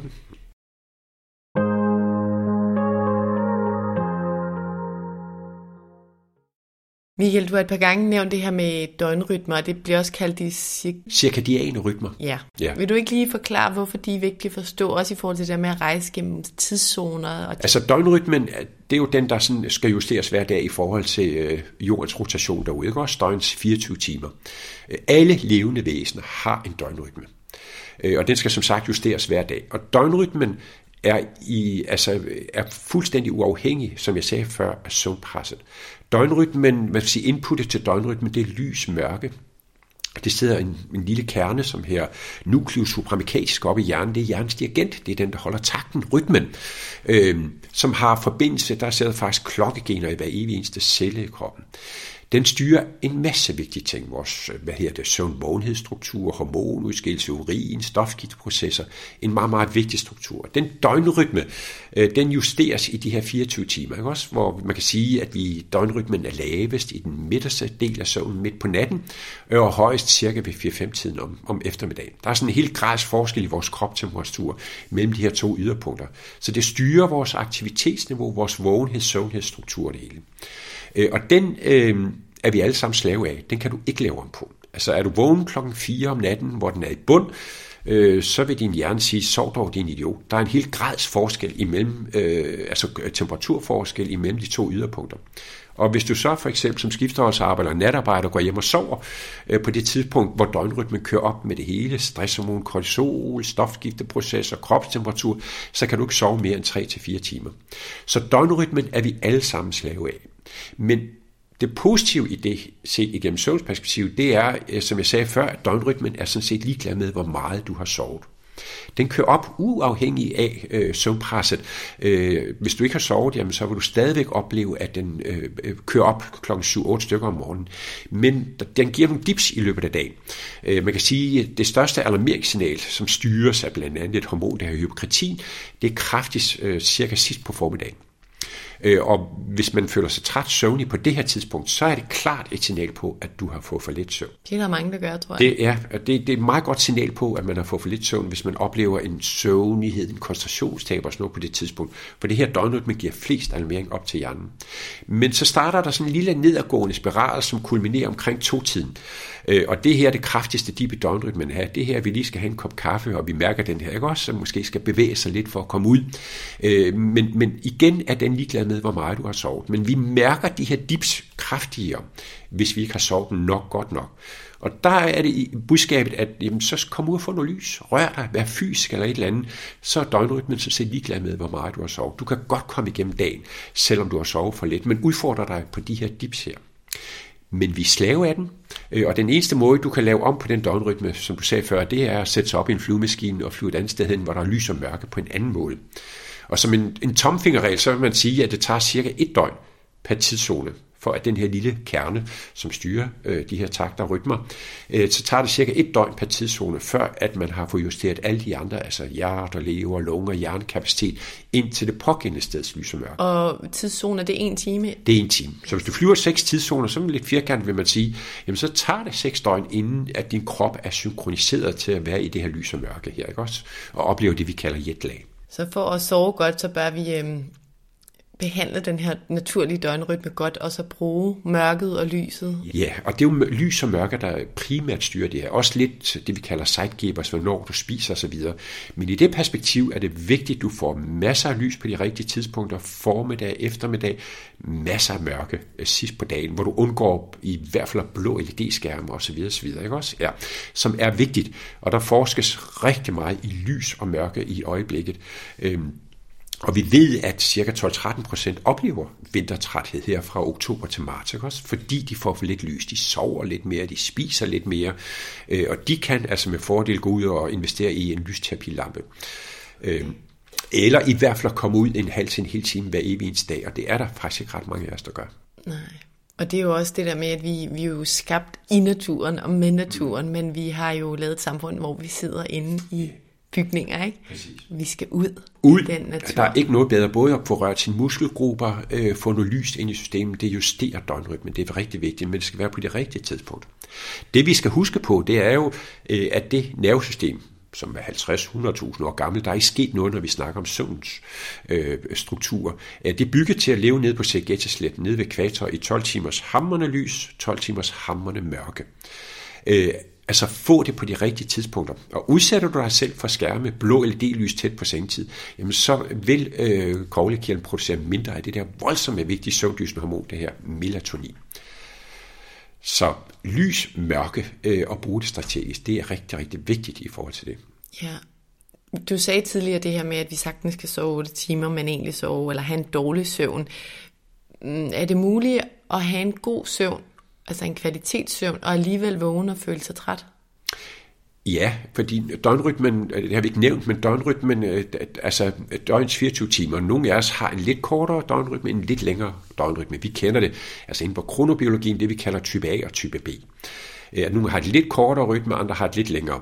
Og man kan sige, hvis du som, som B-menneske altså har et lidt længere øh, ur inde i dit, dit indre ur, øh, lidt mere end øh, 24 timer, altså midtpunktet på natten er lidt senere end et A-menneske, at hvis du så tvinges ind, forstår mig ret, i at, at, at leve i et samfund, hvor du måske skal stå op, hvor din døgnrytme ikke er klar til at stå op, jamen så selvom du har fået det antal timer søvn, så vil du opleve, at der går et stykke tid, inden du kommer op og kører. Altså hjernen fungerer fuld knald igen, øh, øh, hvor et A-menneske måske, øh, som har et lidt kortere døgnrytme, øh, typisk vil øh, gå fløjten op om morgenen og er klar til at sætte i gang osv. Ikke også? Vågner du selv om morgenen og er frisk? Ja, så nu er jeg jo 65 år, ikke også? Så øh, man kan sige, at min, sådan statistisk, så udvikler man jo ældre man bliver, jo mere tenderer man mod at blive af. Så derfor, ja, så vågner jeg faktisk helt naturligt øh, på en, kaldte en A-samfundsmåde klokken halv syv, syv. Men altså alle de her uden rytmer... Uden vækord, ja, ja. Men alle de her rytmer, de flytter sig igennem livet. Altså hvis vi kigger på et, en teenager 12-13 år om til 20 år, øh, så øh, langt de fleste teenager rykker jo, forrykker deres rytme mod B. Det vil sige, at deres midtpunkt på natten rykkes faktisk to timer frem, måske til halv fem, fem. Så man skal sige, hvis, hvis de skulle øh, leve efter deres rytme, deres aktivitetsniveau, deres præference, modtage læring osv., så skal de faktisk i det perspektiv ikke gå i seng måske før klokken 1 og først stå op mellem 9 og 10. Det er svært i vores samfund. Det er svært i vores samfund, og det er jo derfor, øh, at, at teenagebørn, som sidder i uddannelsesinstitutioner kl. 8 om morgenen, der sker ikke noget som helst inden. Og man kan se rent strukturelt i vores samfund i øjeblikket, at man er ved at blive mere og mere opmærksom på, øh, at uddannelsesinstitutioner måske skal starte senere. Og det er altså en rigtig god idé. Okay. I forhold til rytmerne i hvert fald. Det sidste, inden vi når til de guldkorn, vi skal tage med os i forhold til at sove godt, har du noget at sige om drømme? Altså, det tænkte jeg egentlig ikke afsnittet skulle handle om, men ja, ja, har du nogle ord om dem? Jamen, drømme, vi drømmer jo rigtig meget. Altså, nu nævnte jeg før uh, rapid eye movement søvn, ikke? også for hjernens elektriske aktivitet er lige så høj som vågne hjerne. Man kalder den del af søvn som en en sovende krop i en vågen hjerne, fordi hjernen, øh, der er simpelthen ikke, muskeltonen forsvinder, du øh, kan ikke bevæge dig, øh, øh, og hjernen tømmes for stresshormon noradrenalin, øh, hvad hedder det, Hjernen kan associere på kryds og tværs. Øh, drømme øh, nævnte før som, som den psykiske, den emotionelle regulering. Øh, og vi drømmer alle sammen meget. Vi drømmer også på andre tidspunkter end i drømmesøvn. Altså rapid eye movement søvn, de er bare lidt mere kedeligt grå. Men, men drømmesøvn, der er der virkelig gang i det. Og hvis du skal huske en drøm, så skal du vågne lige bagefter. Øh, eller midt i en drøm. Og så kan du typisk ikke huske meget mere end et par øh, minutter tilbage. Øh, der er jo nogen, der siger, at de aldrig drømmer. Det kan jeg love dig for, at de gør. Øh, det handler om, om du vågner, du kan konsolidere det, på det langtidshukommelse på, så kan du huske det næste dag. Siger forskningen noget, den forskning, du beskæftiger dig med, noget om, øh, hvorvidt drømme er koblet til vores underbevidsthed og det, vi ja, undertrykker jer selv, eller skal dele med, eller sådan. Er der noget om det? Ja, det kan man jo godt sige, der er. Altså alt det her, det er jo noget, når jeg nu siger, at den logiske del af hjernen fungerer ikke under søvnen, det vil sige, at hjernen frit kan associere på kryds og tværs, så kan vi snakke om underbevidsthed osv., ikke? så det er måske en del af det, øh, at det er det, der sker her. Ikke også? Men, men det er øh, øh, en, en meget, meget vigtig del af søvnen. Og i det perspektiv er, der i øvrigt, er det også vigtigt for mig at sige, at mange drømme er faktisk lidt angstfulde. Øh, fordi det er øh, typisk, øh, altså hvis der har været noget, der er lidt svært for mig i øjeblikket, jamen så er det også typisk det, hjernen bearbejder, øh, arbejder med. Øh, og det kan man godt nogle gange opleve, at, at det var da ikke så behageligt en drøm. Men det er fuldstændig uproblematisk, fordi det er der, hjernen øh, bearbejder, sætter det ind det rigtige sted osv. Så, så det er noget, man skal afbekymre sig selv om at sige, jamen det skal jeg overhovedet ikke bekymre mig om, det skal hjernen nok selv sørge for. Det er noget, der sker om natten. Det sker om natten, og det skal du ikke bekymre dig om. Så mange drømme er faktisk lidt angstfulde. Michael, lad os så her til slut, nu har jeg nævnt det et par gange, tale om, hvad vi dog kan stille op. Det er jo meget tydeligt, at søvn er virkelig uendelig vigtig for os og for vores velbefindende. Men hvad skal vi gøre? Altså igen, der kan være nogen, der har et arbejde, hvor det bliver forventet, at man svarer på mails kl. 22, eller vi kan have små børn, der ikke vil sove om natten. Det har vi talt lidt om. Vi skal prøve at lave nogle strukturer og holde fast i dem. Men vi kan også blive overbevist af Netflix om at se den her serie. Så hvis du skal give den moderne, eller det moderne menneske i den moderne verden, nogle råd til, at vi bedst muligt passer på vores søvn. Hvad vil de, hvordan vil de råd så lyde? Ja, nu bliver det sikkert lidt kedeligt. Det er okay. men, men nummer et, det er jo at prioritere din søvn. Altså igen, som vi har snakket om, leder med, at, at rigtig mange af os øh, i løbet af få årtier har fået stillet alle de her stimuli til råd for vores opmærksom på. Vi har hele verden i den her smartphone. Vi har 300 kanaler, streamingtjenester osv., osv., som gør, øh, at, at, at der er rigtig mange af os, der kommer for sent i seng, fordi jeg skal lige nå det. Jeg skal lige se den her spændende Netflix-serie, som stopper på det mest spændende tidspunkt osv. Så derfor ved vi, at det senmoderne individ i langt de fleste tilfælde kommer for sent i seng, fordi der er lige det. Spørg med et unge menneske, hvordan øh, din prioritering af dit liv, hvad er vigtigt for dig, hvad er det vigtigste? Jamen, så ser vi typisk, at søvnen kommer som det sidste. Det er den, vi ofte går på kompromis med. Så et vigtigt, og når jeg nu også snakker om strategi i forhold til det, det er den største gave, du kan give dig. Altså i forhold til dit humør, øh, hvordan dit hjerne fungerer, din livs, øh, altså velbefindende osv., energi, kreativitet, alt det her, det her prioriterer søvnen. Sørg for at få den. Men når det er sagt, så en gang imellem, så sover du dårligt. Det sker der ikke noget ved. Så søvn hygiejneråd nummer et, det vil altid være regelmæssighed. Igen, når vi render rundt med det her gamle nervesystem, ikke også? Altså den to-procesmodel, der styrer søvnen, igen, du kan ikke øh, hvad hedder det, styre søvn med din vilje. Det handler om, hvor mange timer du har været vågen, hvor døgnrytmen er henne osv. Så, så jo mere regelmæssigt du kan være og gå i seng, det er en rigtig stor gave til dit nervesystem. Og det hedder max plus minus en time. Noteret. Ja, det er regelmæssighed. Øh, og så kan det jo ikke undgås, øh, at, som vi også har snakket lidt om, det er, øh, at du skal altså hjælpe dit nervesystem. Du skal have nedreguleret dit nervesystem, inden du går i seng. Altså sidder du på Netflix eller går på et socialt medie for lige at se, hvilket lorteliv jeg har, inden jeg går i seng, hvad det nu kan være, jamen så har du mere dopamin. Og dopamin er søvns fjende nummer et. Altså for mange stimuli tæt på sengetid. Så det er en god idé, at du bruger noget tid på at lukke ned. Hvis vi lige bevæger os i den der farlige kategori af skærme, er det så ikke noget med, at hvis vi skal vælge en skærm, så er det bedre at se en film i fjernsynet, hvor vi ikke skal koncentrere os, end at lave computerarbejde, hvor vi skal bruge vores... Jo, det er det. Altså jo tættere du er, altså man kan sige, det der går ind og virkelig påvirker det, koglekirtlen, som øh, udskiller det her øh, øh, søvnlysende hormon, det her melatonin, er meget påvirkelig for, for det blå spektrum, altså det, der kommer ud af blå LED-skærme. Øh, så, så det er en rigtig god idé at fjerne sig fra det. Men, men øh, altså, jeg kommer ud også på mange gymnasieklasser og snakker med unge mennesker om søvn, og en klassiker derude, det er, at jamen, Michael, vi har jo sat night shift på. Øh, det vil sige, at jeg lukker af for det blå lys, kan jeg så ikke godt sidde med skærmen. Men vi skal stadigvæk tænke på, øh, at den skærm, der har du altså hele verden. Øh, og du kan spejle dig i hele verden, og du kan udsætte dig selv for alle de her stimuli. Ikke? Også, så, så, så det er lige så slemt interaktionen med det her medie. Og du har da ret i, at fjernsyn er ikke så slemt, altså, fordi det sætter du typisk lidt længere fra, ikke også? Men, men sådan sat lidt på spidsen vil man ikke sige, at det er søvnfremmende. Altså søvnfremmende adfærd, øh, fri for søvnhæmmende og gagater, det handler rigtig meget om, øh, at du gør dig fri af skærme. Og dermed ikke være sagt, at fjernsyn ikke er så slemt som selvfølgelig som en, en, en skærm tæt på øjnene. Men, men søvnfremmende adfærd, det er noget med, øh, hvor du har en eller anden kvalitetstid med noget, du hygger dig med. Altså hvor du giver ned. Øh, og, og måske også for rigtig mange af os, der har så travlt, det er, at jeg også får ventileret nervesystemet, sådan øh, at jeg ikke ligger og problemløser ind i sengen. Det er derfor, det er en rigtig god idé for mange af os, måske lige en halv time, tre kvarter, du kan lige skrive ned, hvad skal jeg huske i morgen? Hvad er der egentlig, der fylder mig i min nervesystem? For jeg vil sgu ikke ligge ind i sengen og problemløse derinde med det. Øh, så det er en rigtig god idé. Og det var heller ikke for at sige, at vi skulle se tv, det var mere for at nuancere de, ja. de dårlige ting. Ja. Og bare lige min egen erfaring, det der, du, i forhold til det, du siger til sidst, det kan virkelig være en, en stor hjælp for mig, sådan mentalt, det der med at lige kigge på min dag i morgen, og lige skrive ja. faktisk de der punkter, så det ikke, så det ikke fylder. Så det her, Klart, altså. altså bare det at lave en to-do-liste forøger øh, søvnlængden. Øh, og det er jo, når vi nu har alle de her stimuli, så er det vigtigt at få det væk. Fordi for at kan falde i søvn, så skal altså hele arousal-system stille og roligt nedreguleres. Også. Og er der, hvad skal man sige, rigtig meget gang i systemet, det vil sige, at du overtræder den tærskel, hvor du kan initiere søvn på grund af stress, arousal, kald det hvad du vil, jamen så er det, vi oplever de her ting, som rigtig mange af os oplever. Så som man kan sige, øh, altså der er jo ikke nogen facitliste på det, men, men et, måske et meget godt billede på, hvad sundfremmende adfærd, hvis man kan lide det, det er at læse. Hvorfor er læsning godt? Det er det, fordi du fanges i plottet romanfiguren. Der er kun plads til én ting. Altså det, man kan kalde en konkurrerende kognitiv aktivitet. Det får nervesystemet til at slappe af. Kigger du på en skærm, så farer du jo ud i alle mulige retninger. Sudoku kryds og tværs, mandala, et varmt bad, lyt til musik, et brætspil med sin partner, en god snak, gå en tur, en hobby.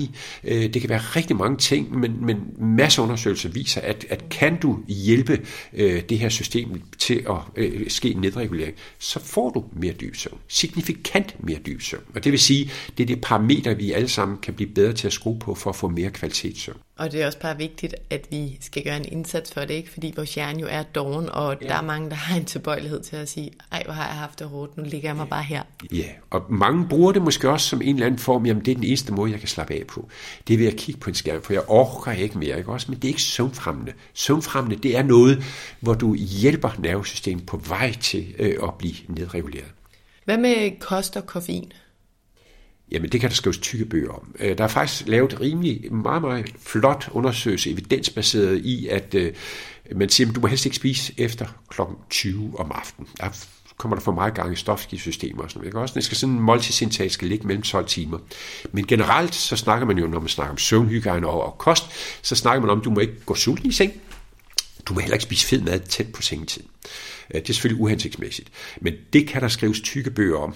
Ikke fordi der er så meget evidens, men man kan sige, der, det er jo interessant, øh, at, at når du sover dårligt, jamen, så vil du typisk også gå ud og opsøge markedet med kosttilskud og alle mulige andre ting øh, for at få en bedre søvn. Øh, og det er desværre ofte med til at forøge graden af bekymring, at jo mere du fokuserer på nogle af de her ting her, ikke også? Og det er jo et milliardmarked. Øh, vi kan jo stort set ikke åbne et stykke medie andet og sige, jamen køb det her produkt, eller den her hovedpude, eller det her kosttilskud, så kommer du til at sove bedre. Og der er ikke fem potter pisse evidens i det, men der er rigtig, rigtig mange penge. Øh, så, så, så, øh, men kost har selvfølgelig en betydning øh, i forhold til det. Ikke også? Men, men generelt vil man sige, igennem søvns perspektiv i hvert fald, morgenmad er godt, for det, det justerer døgnrytmen, det sætter gang i stofskifteprocesserne, og så få et godt nærende aftensmåltid, som gør, at du ikke har behov for at spise fedt, og sukker eller kris inden sådan sidst på aftenen eller noget. Ikke? Ja, fordi der er vel noget med blodsukkeret igen Præcis, der. Ja. Mm. Og hvad med koffein? Altså koffein, det kender vi alle sammen. Det, det må man ikke. Koffein har, øh, altså sådan en kop kaffe på 100 mg koffein, øh, har en halveringstid på 6-8 timer. Øh, og når jeg nu siger, at jo større søvnpres, jo flere timer vi har været vågen, jo større er søvnpresset. Øh, det forbindes med et, et hormon, der her adenosin, som bindes i vores hjernevindinger, jo flere timer du har været vågen. og koffein, det er jo en såkaldt antagonist. Det bindes på de samme hjernevindinger. Det er derfor, at mange danskere fylder sig med de her ting øvrigt unge mennesker, Red Bull og kult, det er jo en katastrofe med sukker og koffein. Derfor siger man øh, anbefalesværdigt, at øh, ja, hvis du bor i USA, så anbefales at du må ikke få kaffe koffein efter kl. 12. Det holder sig i Danmark. I dag bliver man lidt op og siger, at det er en god idé at tage den sidste kop kaffe kl. 5 om eftermiddagen. Kl. 5? Kl. 5 om eftermiddagen.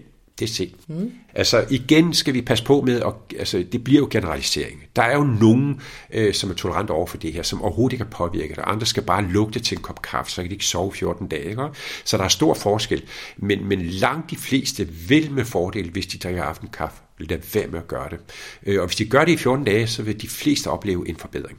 Mm. Altså at de vil faktisk mærke en forbedring i, i deres velbefindende livskvalitet.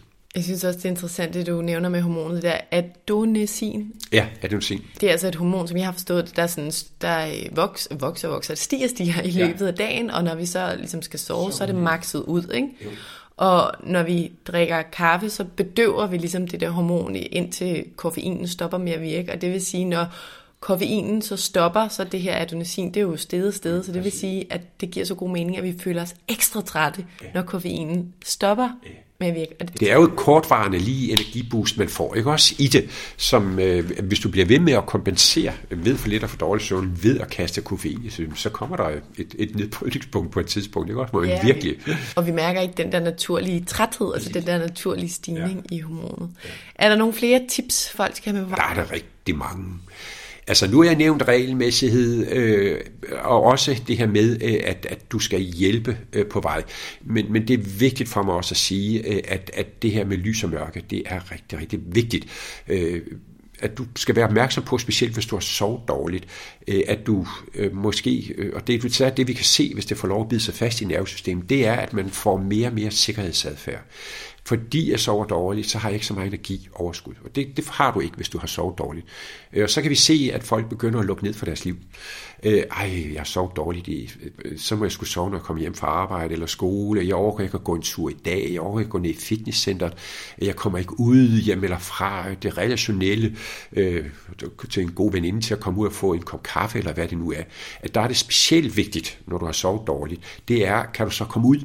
Øh, du kan ikke gøre noget bedre, fordi jo mere du lukker ned for dit liv, øh, fysisk, psykisk, mentalt, øh, jo dårligere sover du.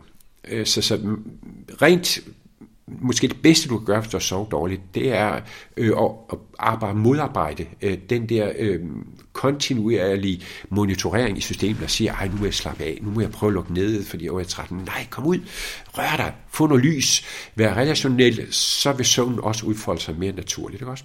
Men det er jo det er typisk det, man ser med, med det, vi kalder sikkerhedsadfærd med søvn, det er, at hvis det får lov at bide sig fast, jamen så øh, er den udløsende faktor, altså det, der skaber den dårlige søvn, er faktisk væk, så er det det, der fastholder dig i den dårlig søvn, selvom den udløsende faktor er væk. Så det er vigtigt, øh, at man er opmærksom på at komme ud og bruge sig selv, øh, fordi det, der er nødvendigt for, at du kan sove. Så er der masser af andre søvnhygiejne råd, øh, men, men man kan også sige, at som du sagde før, at hvis man bruger en tredjedel af sit liv, 25, måske 30 år i den bevidsthedstilstand, man her søvn, så er det også vigtigt, at det rum, du går ind og tilbringer den her tid i, den er vigtig. Den skal, det skal være ligesom en hule. Der skal være mørkt, stille, der må gerne være lidt køligere. Øh, der må ikke være nogen stimuli til stede inde i det rum. Og det eneste, du må lave der, det er at sove, og hvis du er heldig at få lidt sex en gang imellem. Men, men, men andet må du i princippet ikke lave i det lokale, og vi har jo fyldt det lokale med alle mulige mærkelige ting. Et mørkt lokale med en dejlig seng. Ja, øh, og det må du gå på kompromis med, ikke også? Øh, en anden vigtig ting, det er, øh, at, at hvis man ligesom skal kigge på... Øh, hvis søvnen skal få lov, og jeg skal få den fulde udbytte af søvnen, øh, så når man snakker om de her metoder til at behandle søvnløshed, altså de kognitive baserede øh, terapier for søvnløshed, øh, siger man jo, at, at du skal have en søvneffektivitet på 85 procent. Og det man skal passe på med, hvis man indimellem begynder at sove lidt dårligt, det er, at du kompenserer ved at bruge længere tid i sengen. Altså, det vil sige, at din søvneffektivitet nedsættes. Og, og vil din søvneffektivitet nedsættes, altså jeg bruger længere og længere tid, jeg ligger måske som grillkylling halve hele timer i sengen flere gange om ugen, så mister sengen jo sin værdi som stimuli til søvn. Så den i stedet for at blive en stimuli til vågenhed. Og der er det vigtigt, øh, at man måske prøver på at reducere tiden i sengen til den tid, man aktuelt kan sove, i stedet for at gøre det modsatte. Fordi så vil sengen blive ved med øh, at blive øh, fokuseret som et skidt sted at være, ikke også? Så hvis man ikke kan sove, skal man faktisk måske rejse op? Ja, yeah, det skal man faktisk. Øh, eventuelt gå lidt senere i seng, hvis jeg oplever, øh, at, at jeg mange dage om ugen øh, ligger øh, med, med, med vågenhed, både i indsovning og gennemsovning osv., så, videre, så kan det være en god idé at skabe lidt, lidt større søvnpres. Og så siger jeg lige igen, sover du dårligt, prøv at det sker der ikke noget ved. Din døgnrytme er ligeglad med, at du sover dårligt. Øh, det er først der, hvor bekymringen på, øj, det bliver en møgdag, hvordan skal jeg komme igennem dagen, og puh, kan jeg nu præstere? Ja, det kan du godt, fordi døgnrytmen er ligeglad med det. Så, så afbekymre dig og sige, det skal nok gå, og så bliv i strukturen, så skal det nok gå. Så vores mindset er også vigtigt. Mindset er rigtig vigtigt. Søvn kan du ikke undgå at få. Det er en, en fysiologisk nødvendighed at få søvn. Øh, der er mange i min søvnbehandling, jeg hører folk komme og siger, jamen jeg sover kun 3-4 timer, det kan jeg love dig for, det gør du ikke. Så, så det her med at vurdere søvnen, hvor meget har jeg sovet, det er svært. Øh, netop fordi, at den her, den, altså hjernens dirigent virker jo ikke, så det er rigtig svært at vurdere tolke, hvor meget jeg har sovet. Øh, og de fleste af os sover faktisk mere, end vi selv vurderer tolker. Og vi har i hvert fald fået understreget i dag, hvorfor det er så hens vigtigt at prioritere den søvn. Tusind tak, fordi du vil være med i dag, Michael. Jeg synes virkelig, at det, øh, emnet er spændende, det har jeg nævnt, men det er især fordi, det er relevant for os alle sammen, altså for hver af en. Og så er det jo virkelig vigtigt at tale højt om, fordi den her søvn er så udfordret i dag, og vi ser alt andet lige et samfund, der har mere og mere fart på, og ja, har flere og flere stimuli, og en befolkning, der desværre får det dårligere og dårligere mentalt. Så selvfølgelig så skal vi tale om det her emne, og det er jeg rigtig glad for, at du vil komme og være med til. Tak. Selv tak.